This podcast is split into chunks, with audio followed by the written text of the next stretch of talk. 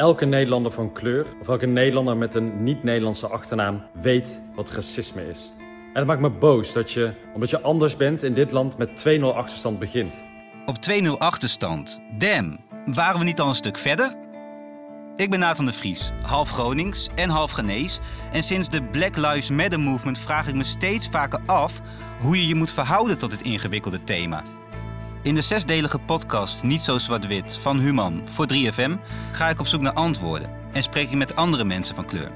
Zoals presentatrice Natasha Gibbs, Ik had wel het gevoel van, yes.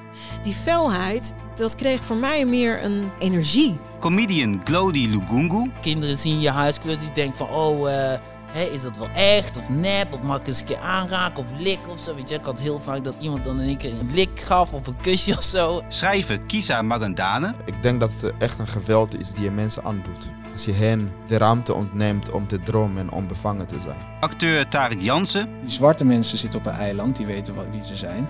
Witte mensen zitten op een eiland, die weten wat ze zijn. Ik ben een brug, maar ik weet niet wat ik ben, want ik ben een brug. en mijn eigen moeder. Er zat een bepaalde strijdvaardigheid in mij. Omdat ik gewoon in intentie niet geloof in verschillen tussen mensen, maar meer in overeenkomsten. In hoeverre is er nog ruimte voor nuance in het gesprek over diversiteit en dus racisme en inclusie?